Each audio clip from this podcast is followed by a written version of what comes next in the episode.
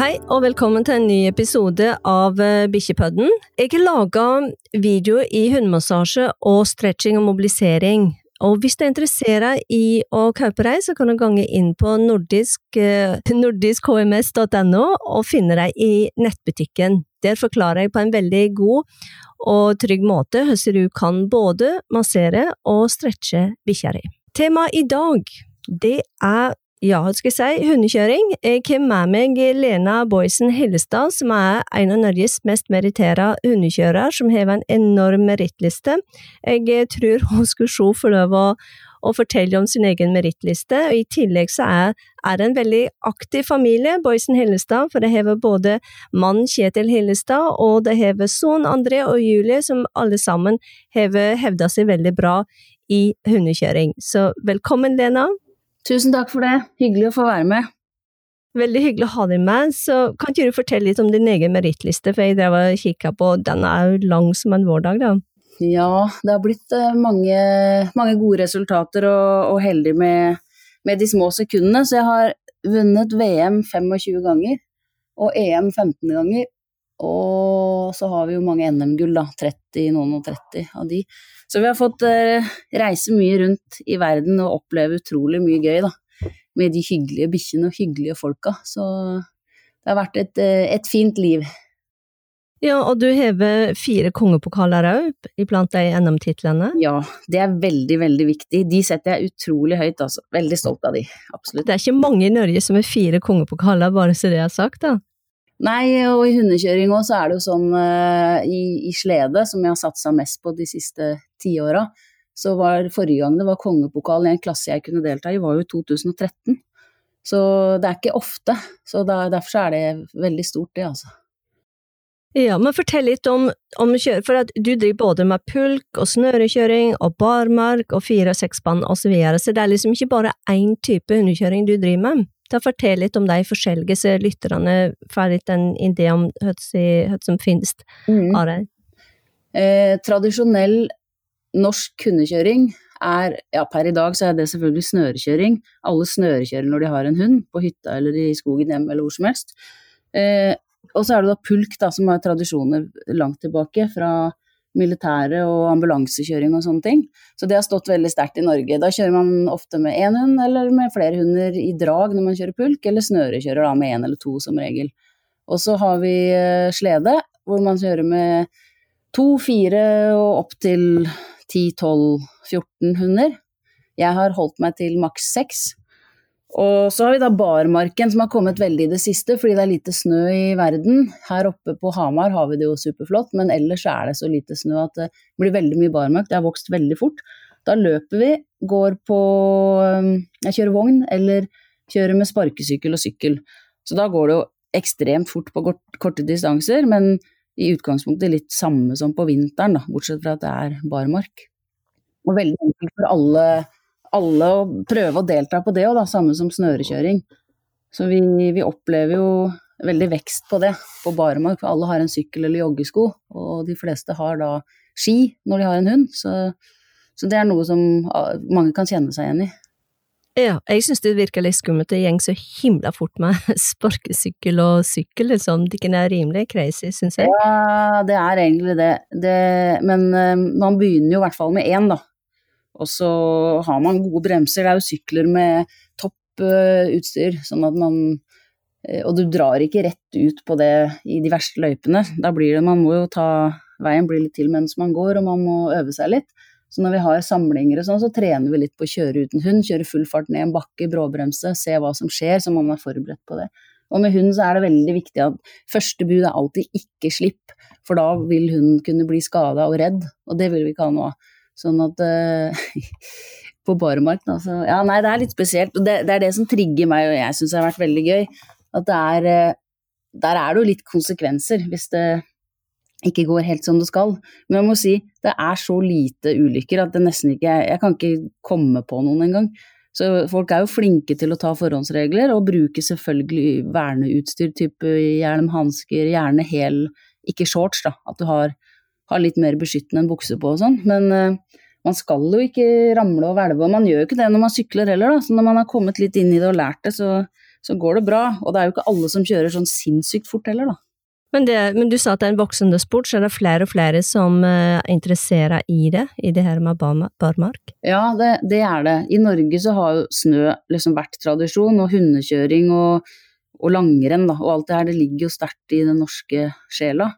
Uh, men nå mer og mer blir det jo barmark, og i Europa er det jo gigasvært. Og det er jo den største grenen av hundekjøring, er jo barmark.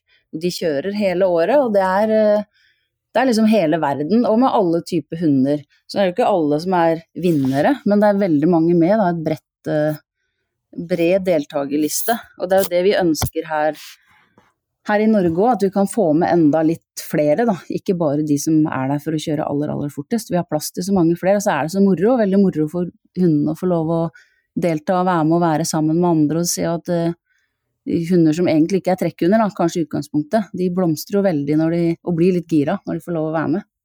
Mm. Men du sa utlandet, du har vært mye i utlandet og konkurrerer òg, kan ikke fortelle om det? Uh, ja, det er sånn at det er uh, VM annethvert år og EM annethvert år. og Det betyr at da blir det et mesterskap hvert år. Så fjerde hvert år, så stort sett, så er vi i USA, eller altså Amerika. Om det er Alaska, USA, Canada, stort sett, da. Og så er vi i Mellom-Europa og litt Øst-Europa.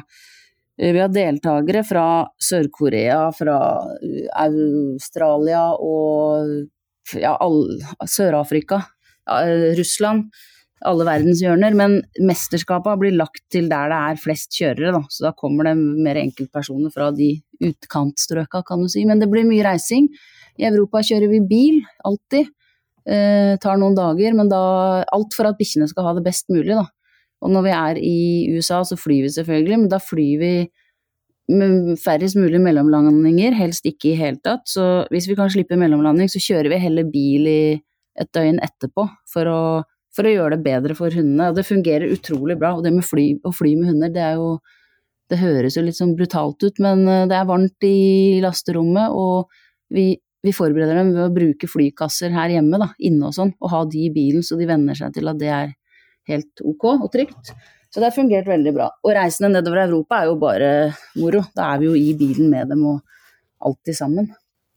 Men det er jo en logistikk å komme til USA med bikkjene, da. For det første så får man bare ha med seg fire bikkjer på flyet, og så må de liksom ha bil og henge der borte. Hvordan fikser dere det? Ja, nei, det er helt uh, forferdelig, egentlig. Men uh, litt utfordring er jo også moro. Nå har det blitt sånn de siste åra at det kun er lov ha tre hunder med. Så sist gang vi reiste dit var i 2017. Da var det jeg og André, sønnen. Han deltok i junior og jeg i senior. Det var siste gangen jeg kjørte. Og da vant jeg faktisk med hva var det, tre tideler eller noe sånt etter to dager. Det var uh, fantastisk. Men eh, da måtte vi få noen av de andre norske til å ta med en hund for oss. Eh, og leiebil, da, borti der er det sånn at du får ikke lov å ta ut noen seter, og amerikanere er veldig spesielle sånn. Og det, det, er jo så lett å bare vippe ut seter, men det går ikke. Og vi var tre stykker og måtte ha tre seter, og det, de har ikke sånn som oss her hjemme, sånn tresetere foran, alltid to. Så da må du leie en vanlig stasjonsvogn. Vi er ikke så glad i henger og i sånne skapbiler og sånt, vi vil ha hundene med oss, så vi kan se og høre og være sammen og kose og varme og musikk og alt det der.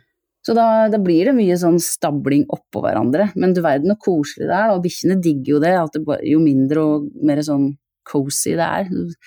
Altså, det er bare det er flott, men det er mye administrering, det er det. Og på flyplassen og sånn, å dra disse svære flybyråene. Det er så rare regler. Du må jo ha en leilighet for å få med deg en sånn Greister som vi har. Noe vi er ganske uenig i, da. At de, de, trives jo bedre, det ser vi her hjemme, når de har et litt mindre flybur, når vi driver og øver på det. Så vil jo flere inn i et mindre bur enn de der kjempesvære hva heter det, giant-bura som vi må bruke, da. Og de er så store at de går ikke inn flydørene på vanlig fly. Så vi har ofte måttet kjøre til København eller til Stockholm for å fly derifra, for det er ikke store nok flydører i Norge, da. Ja, så det er helt rett, det er klønete, men det er gøy. jeg er imponert, fy søren. Men um, når du kjører, du sier at du kjører spann, um, og for at det er jo noe som heter sprint, mellomdistanse og langdistanse, kan du snakke litt om forskjellen på deg? Ja, sprint er det jeg har holdt på med hele tida. Da er det Det kan du sammenligne veldig med langrenn, som de fleste kjenner til. da. Både ja, distanser og, og så når man er ferdig med et løp, da, så spiser man og bor varmt og har det behagelig. Mens eh, mellomdistanse er for så vidt det samme, men det er litt lengre distanser. Da blir det mer kan du si, de turrenna i langrenn, si fra tre til seks mil. Og så er det gjerne etappeløp, sånn at man kjører noen dager etter hverandre.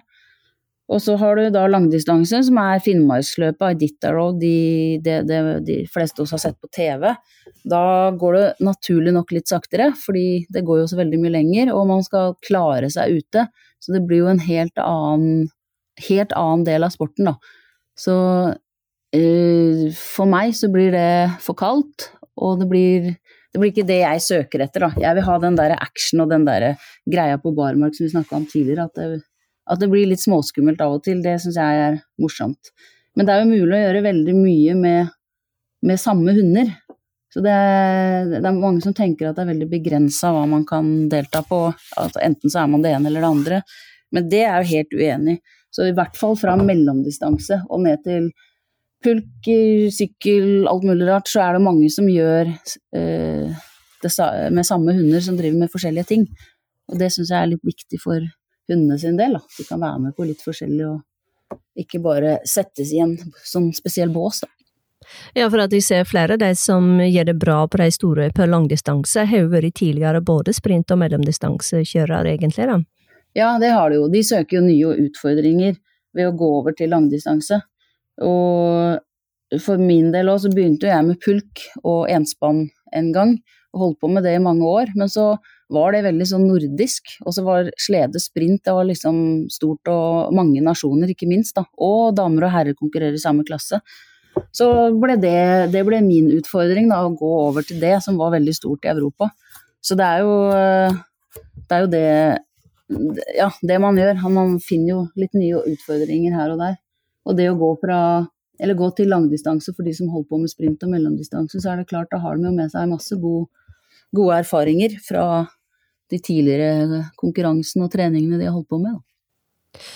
Men eh, er det, nå er det liksom bare fokus på langdistanse på Femund og Finnmark og Eidlitter, og, og det blir og flere og flere vil begynne med hundekjøring, men er det fortsatt mye konkurranser på når det gjelder pulk og snørekjøring, for det hører man veldig lite om?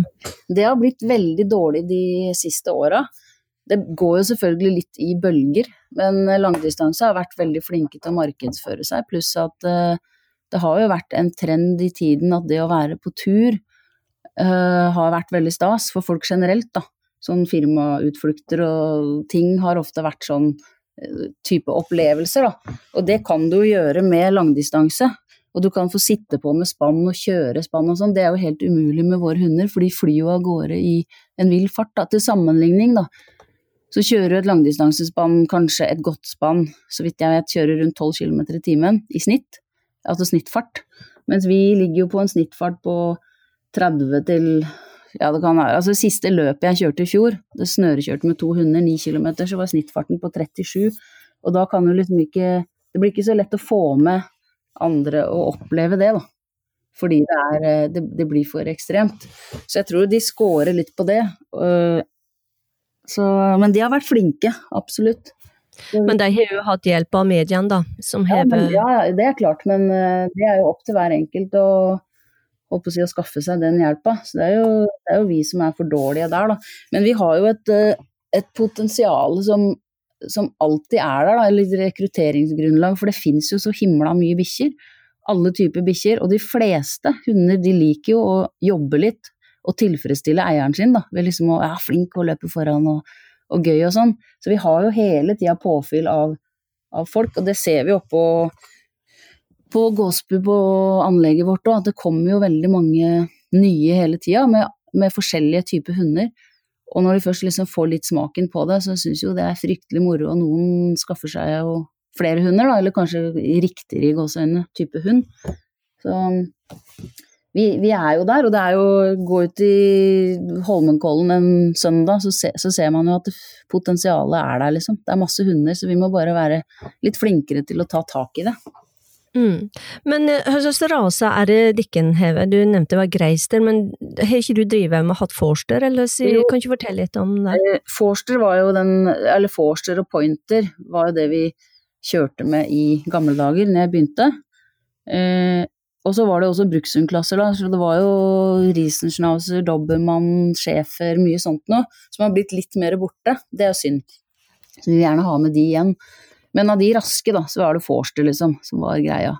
Og så i 1986 så ble det para, para Forster med Greyhound, liksom litt med tanke på ja, å blande Ben Johnson og Grete Waitz, for de som er gamle nok til å huske det. eh, og vi var en av de første, det var ikke vi som blanda den første 50% men vi kjøpte da en 50% og så gikk vi videre derfra. Og da sa jo veldig mange at det her går jo ikke, kan dere bare glemme, fordi Graham er sånn løper til bytte, løper jo på bane etter den der filla og skal ta den, eller den haren.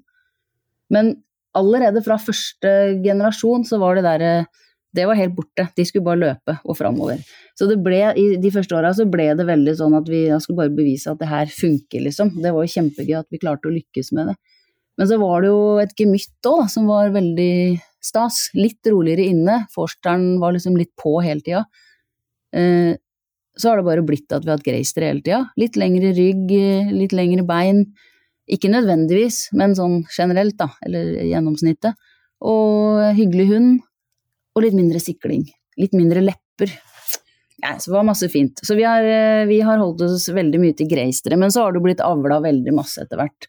At man blander, blander, den type hund da, som jeg og André har nå, med, med mer sånn uh, tradisjonelle sledehunder, og så kaller man det jo litt greister for det, så det er litt vanna ut. Men i utgangspunktet så er jo det nærmest blitt en rase, da, Forster Greyhound, med mer eller mindre prosent av Greyhound. Greyhound løper jo veldig fort, så hvis man har mye greyhound, så har man jo begrensning på distansen, da.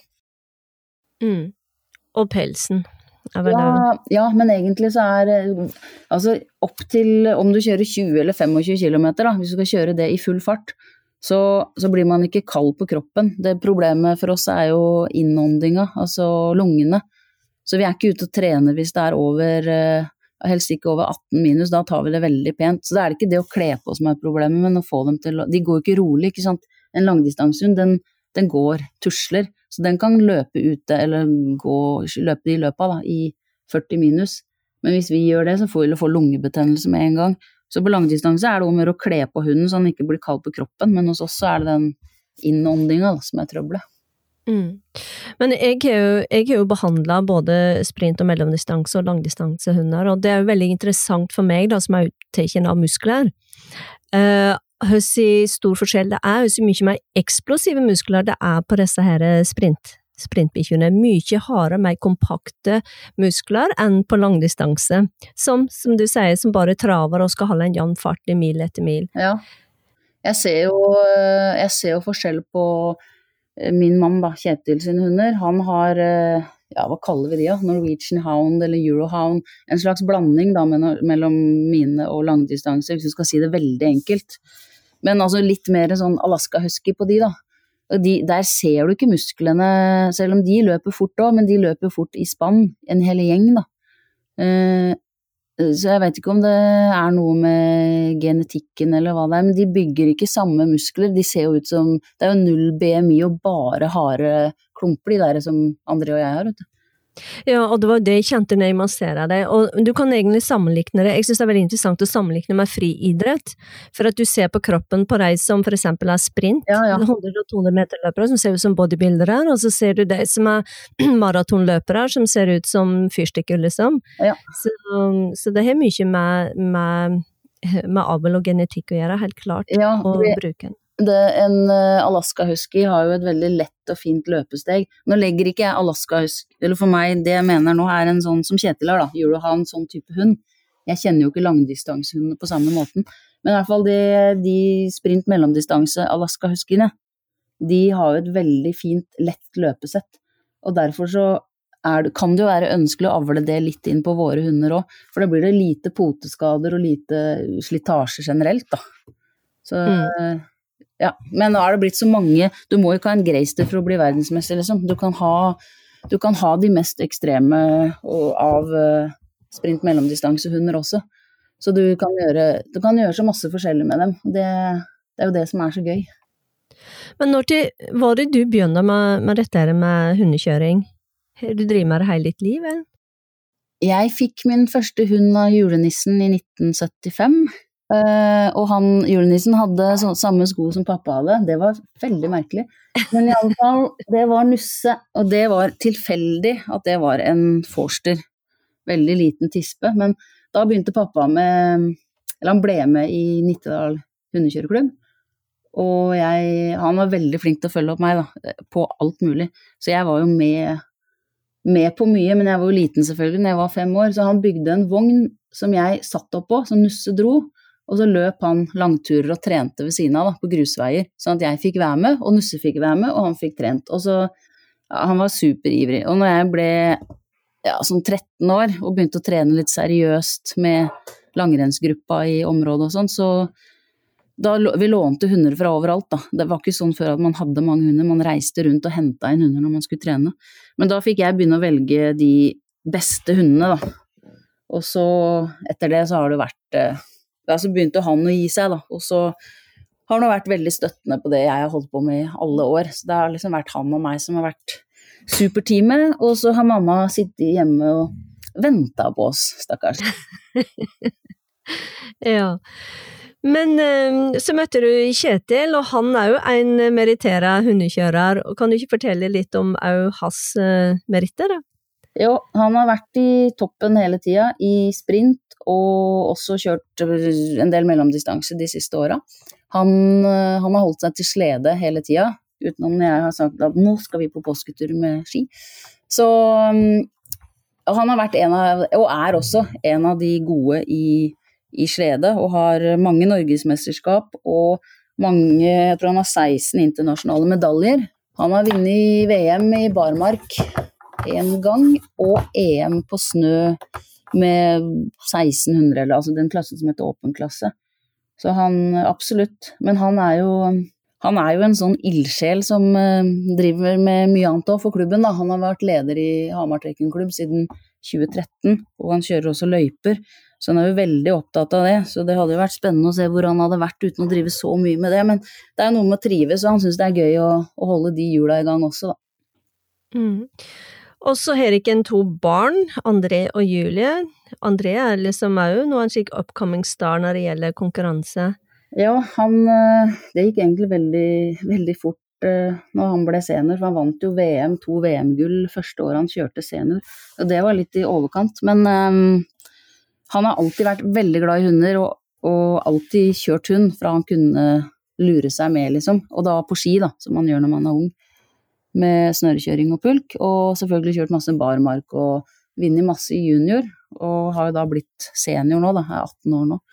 Så det er liksom han som har tatt over etter meg, for det blir mye for oss å ha to spann. Den, fordi at jeg har lyst til å ha hunder som kan bo inne hele tida, være med på hytta og gå løs i skogen. Og, så da kan vi liksom ikke ha to sett. Pluss at uh, det, er, det er like morsomt at han kjører for meg. Så er, eh, nå, er jeg, nå er jeg pappa, liksom, på en måte. Pappa sin rolle. Og så er jeg jo veldig masse med å trene, da, for jeg syns jo det er eh, kjempestas. Og jeg må jo, når sola skinner og jeg liksom må vente på at han skal komme hjem fra eh, jobb, han er lærling, så, så er det vondt. For jeg har jo så lyst ut med de bikkjene, vet du. Men det er jo han som må få være med å trene. Og så har vi da Julie som drev med hundekjøring fram til hun var sånn ja, 15 eller noe sånt. Eh, men litt eh, fordi at vi gjorde det, og vant junior-VM eh, i 2015. Da slo hun hadde bedre tid enn seniorene også. Men jeg var ikke helt komfortabel med det, og følte da, når jeg sto oppe på pallen der, at det her var kanskje egentlig mamma sin greie, og mest mamma sin fortjeneste også. Så da ble det ikke like gøy, og så har jeg alltid spilt golf, da. Men vært litt, litt lunken i yngre år til det, men mer og mer, da. Så nå går jeg jo på golf college i USA og satser veldig på golf, da. Og det er like moro. Det For bare de gjør noe, så har jo ikke det noe å si. Og vi spiller jo golf, vi òg, så vi har veldig forståelse for den interessen der òg, da. Ja, dere er jo en imponerende familie, med en imponerende merittliste alle sammen. Og det er jo litt spennende med Julie, da, hvordan det blir for henne og golf framover. Det, det, er det. Og det er jo kanskje litt greit å ha noen som driver med noe helt annet enn hundekjøring òg? Eh, for oss som vi driver med Vi spiller mye golf òg, altså. Men ikke sånn trener og er gode, vi andre, men vi, vi spiller mye. Uh, og det er så deilig. Og vi er så heldige som får lov å ha to så forskjellige ting og bo i et land hvor du Vi har Atlungstad da, nede på Hamar her.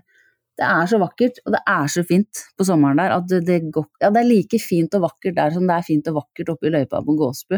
Og du veit jo åssen det er, du som trener der òg. Du blir bare helt målløs. Og det er så utrolig gøy, og det her engasjerer, som du skjønner, men å ha med seg ungene sine, og så ser de det samme, og så faktisk så sier de det samme òg, er helt, helt magisk, altså. Ja, det må være det, for det er mange foreldre som er med unger som overhodet ikke er interessert i det foreldre driver med. Så, så, det er jo en gave å ha det slik. Ja, det er helt eh, Og jeg, spør, jeg må jo spørre, da, liksom, er det Syns du det her er fint òg, eller? Liksom, er det Ja, det er helt, helt utrolig, liksom. Ja, nei, det er deilig, ass. Det er eh, Vi har eh, Vi sto langt framme i køen og må være takknemlige for det. Det er, det er mange som ikke har det sånn, da. Så det er viktig å nyte når man kan. Ja, og så ikke minst være takknemlig for det, og se det. Det, det. det, tror jeg veldig mange som ikke er takknemlige for det det har, og det er veldig flott å høre at du kan kjenne takknemlighet for at det er slik. Ja, det er, eh, det er et fint liv her oppe, altså. Vi flytta hit opp i 2008 fordi vi, vi hadde lyst på snø. Vi var klimaflyktninger feil vei. Og da hadde jo Julie Vi spilte jo golf, men Julie var jo ikke Det var liksom bare å være med fordi vi var med, på en måte. Eh, men vi flytta jo på en måte feil vei da, for hennes del, men det visste vi jo ikke da, for man skulle jo flytta litt sørover isteden. Men um, i forhold til golf er litt mer sørover. Den banen her er jo ikke den som er åpen lengst i Norge. Men det var jo flott, og vi fant jo et flott sted her, og at det anlegget er her oppe, og, og stabile snøforhold, da. Ja, og det må vi snakke litt om det anlegget som du sier, for det er Norges eneste riksarena for hundekjøring, og var det i 2004 den ble etablert? Eh, vi kom jo hit, ja, vi kom hit i 2008, men eh, ja, jeg har konkurrert på Gåsbu skistadion, på langrennsarenaen, som er vegg i vegg, fra ca. 86, og kjørt mye løp der, både med pulk og med slede. Men da kjørte vi, i starten kjørte vi i de løypene, og så ble det liksom sånn at løypene gikk inn i det løypenettet vi har nå, men at vi starta på den stadion. Og da kjente jo ikke vi til klubben og sånne ting, men jeg tror fra ca. 2004 så ble det etablert egen stadion for hundekjørerne, ja. Med en liten hytte ja, står en liten sånn rød hytte der oppe, men etter hvert så ble det da bygd et klubbhus også, det var jo ferdig før vi kom opp der, med hjelp av tippemidler og masse dugnad. Så det er jo et eh, flott, stort sted. Absolutt. Ja, det er, det er helt fantastisk, og jeg bor jo på Nes og kjører opp dit, og, og så får du kobla på bikkjene, og så ut i de løypene, så er det som du sier, man kjenner en sånn ro og glede, og jeg kjenner bare det sprudler inni meg. Og når jeg er tilbake, så det jeg har møtt deg flere ganger, Lena, og sier å, det er så fint, og tusen takk for at dere er så flinke, og å lager disse gode løypene og, og, ha det anlegget, det er jo en velsignelse å ha det. Ja, det er det, men eh, jeg må si at vi har fått utrolig mye positivt de siste åra. Og når vi kjøpte løypemaskin i fjor, fikk anledning til det, så ble det jo Ja, det er helt sånn at du blir helt målløs. Det er så fint. Og det er så hyggelig når folk er glad for det, da. Og da blir det jo til at Kjetil får et veldig eierskap til å få holde de løypene veldig bra og syns jo det er moro. Og, og, det, og det, som, det som lytterne kanskje ikke vet, er at på Riksarenaen så er den enveiskjørt.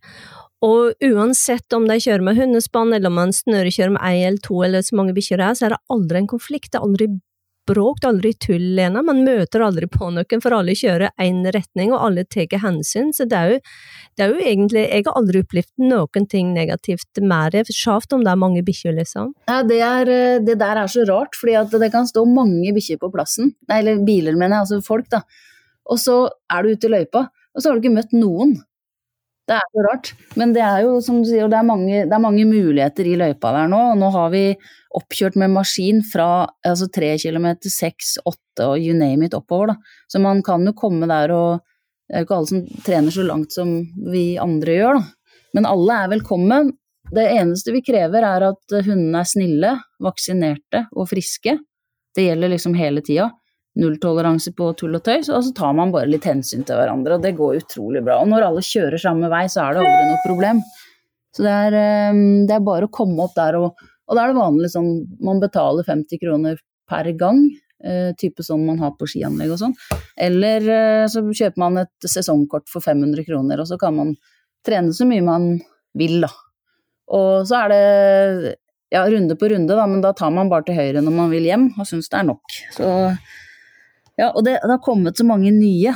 Mange andre hunderaser, og det har spredd seg så mye. Og det syns vi er så morsomt, da. Det, og det er jo veldig sunt for bikkjene våre òg, treffe andre, ikke bare like hunder hele tida. Nei, og jeg merker det på mine, for jeg, du, jeg er jo sakte på disse grå bikkjene mine, jeg er gjemt unna mine, de er litt mer utagerende, og de liksom skal, og men de har hatt utrolig godt av å være på anlegget og, og forholde seg til andre bikkjer på den måten der. Mye bikkjer som står og bjeffer og hopper og vi er vei i spannet, og dette har vært veldig positivt òg uh, for mine bikkjer, og jeg tror jeg er for de fleste. Ja, og så det fine med det, hvis du har en hund som er som lurer litt på verden, da, eller er litt utagerende, som du kaller det, da, så, så ser en at alle de der er jo helt gærne, men bare gærne etter å løpe. Det er jo ingen som de, Du blir jo mye tryggere når du er i et miljø som ikke ser på deg eller tar igjen, liksom. De bare, bare er happy. Så da skjønner man jo ok, kanskje jeg skal være sånn òg, da. Ja, og det, jeg ser det, så nå er det ikke problem med passeringer, for man blir jo tatt igjen av, de, av spannet og de som kjører fortere, men det er aldri problem med konflikter. Så, så, nei, det er et fantastisk opplegg og, og uh, fantastisk anlegg, og så er det jo det at det har vært mye skriveri i avisene om, og mediene om konflikter i hundeløyper. Folk som har bikkjer, jeg har selv opplevd å bli slått etter maskinstav og utskjelt og mye av disse er det som jeg kaller eh, birkebeinerne i gule, blå, røde og grønne kondomdresser.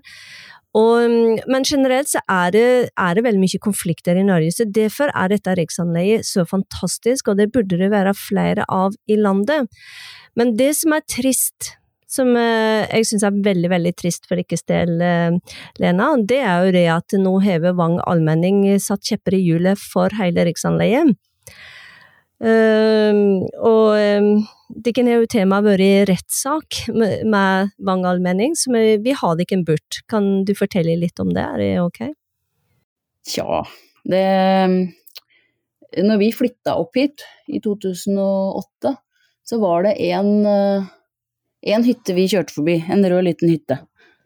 Og så ble det jo Og på den tida, så før vi flytta hit, så kjørte vi alltid opp her, og så lå vi i bilen i helga. Og det var masse folk som lå for å trene, da. Så det ble jo brukt som, som et treningssted for uh, store deler av Norge. Og flere deler av Altså flere land også. Så vi har jo holdt på og vært i bilene her oppe i titalls år, og ligget over der. Og så flytter vi opp hit. Uh, og da ber allmenninga også om å lage strømpunkter for de som bor i bilene, da, for å slippe aggregatene. Ja, først må vi se at dere fikk en leieavtale. En leieavtale kan, Vi har først, en, sant? det som heter en festeavtale, som vi mener er evigvarende. Den er inklusiv løyper og klubbhus. Det, det står tidsbegrenset, nei, tidsubegrenset. Men uh, la oss si vi ikke har rett, da, så har vi i hvert fall en leie, festeavtale som varer ut til 2037. Men uh, allmenninga mener jo at vi har misligholdt avtalen vår ved, uh, ja, ved at noen har uh, sovet over i biler, og at det er for mye bråk, og at det er det ene og det andre. Men klubben ble jo lagt opp der i samarbeid med kommunen og allmenninga, fordi at der, der, var det ingenting. Der var vi ikke i konflikt med noen, liksom. Så nå har ikke jeg sittet med det her, altså jeg har ikke vært med i styret på det opplegget, men vi vant rettssaken på alle punkter. Ja, fra det som jeg ser at det ble rettssak 2. februar i 2017, og så ble de frikjent i oktober 2017.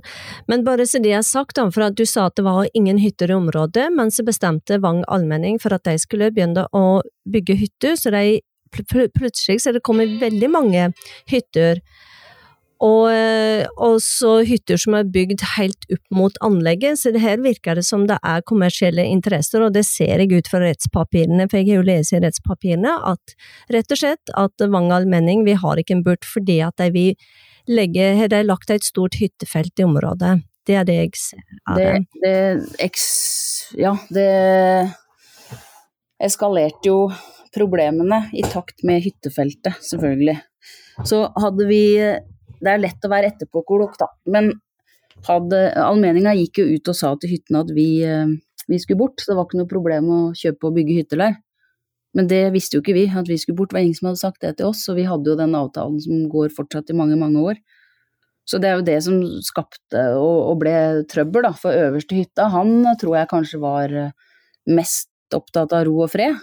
Så han er jo sur på oss. Men dette her har jo egentlig ikke hundeklubben noe med. For vi har en avtale om å være der, og det Så når allmenninga går ut og lover at vi skal bort, så må det bli trøbbel. De burde jo heller ha sagt at uh, her er det et, uh, et, hyttefelt med masse aktivitet og moro, og så bygd en, kanskje en kjempesvær støyvoll som på ene sida kanskje hadde et uh, akeanlegg for hytte, hyttefeltet, da, for eksempel.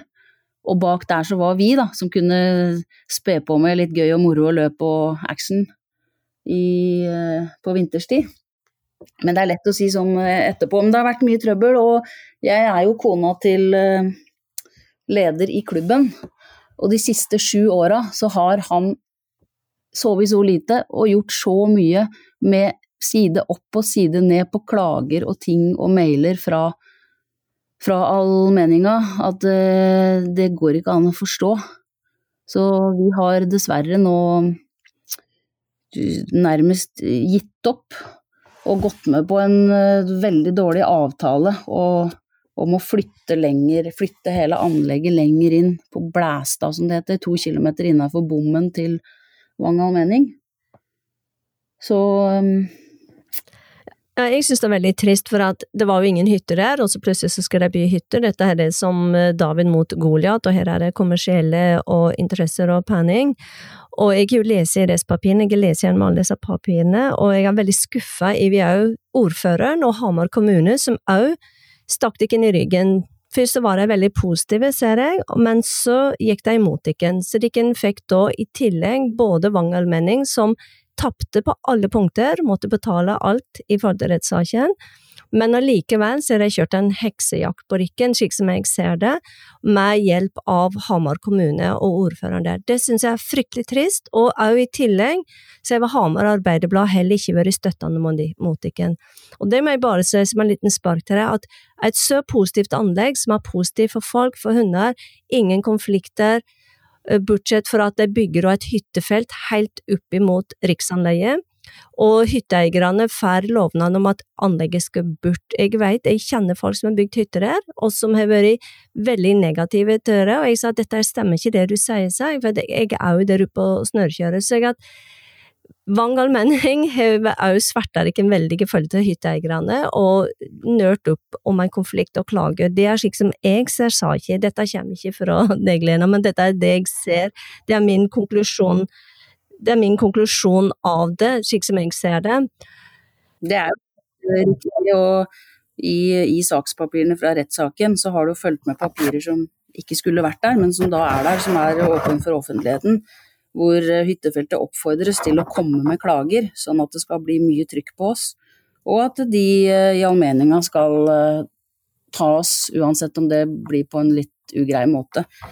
Men eh, det er nå så at man har en, eh, en, man kjemper imot, men at kommunen, eller politikerne da, med ordføreren, det, det syns jeg er eh, Det er faktisk helt uforståelig. Når vi tar av så mye for skianlegg og skiløyper, og vi har så mye brukere nå, og så mye vanlige folk, og så mange som har så glede av det her, så, så er det søren meg en gåte. At allmenninga skal trekke oss for retten og, og, finne feil og bare lage sånn kvalm og oppgulp hele tida, istedenfor å, for å finne løsninger når, når, det her er så bra for uh, så mange.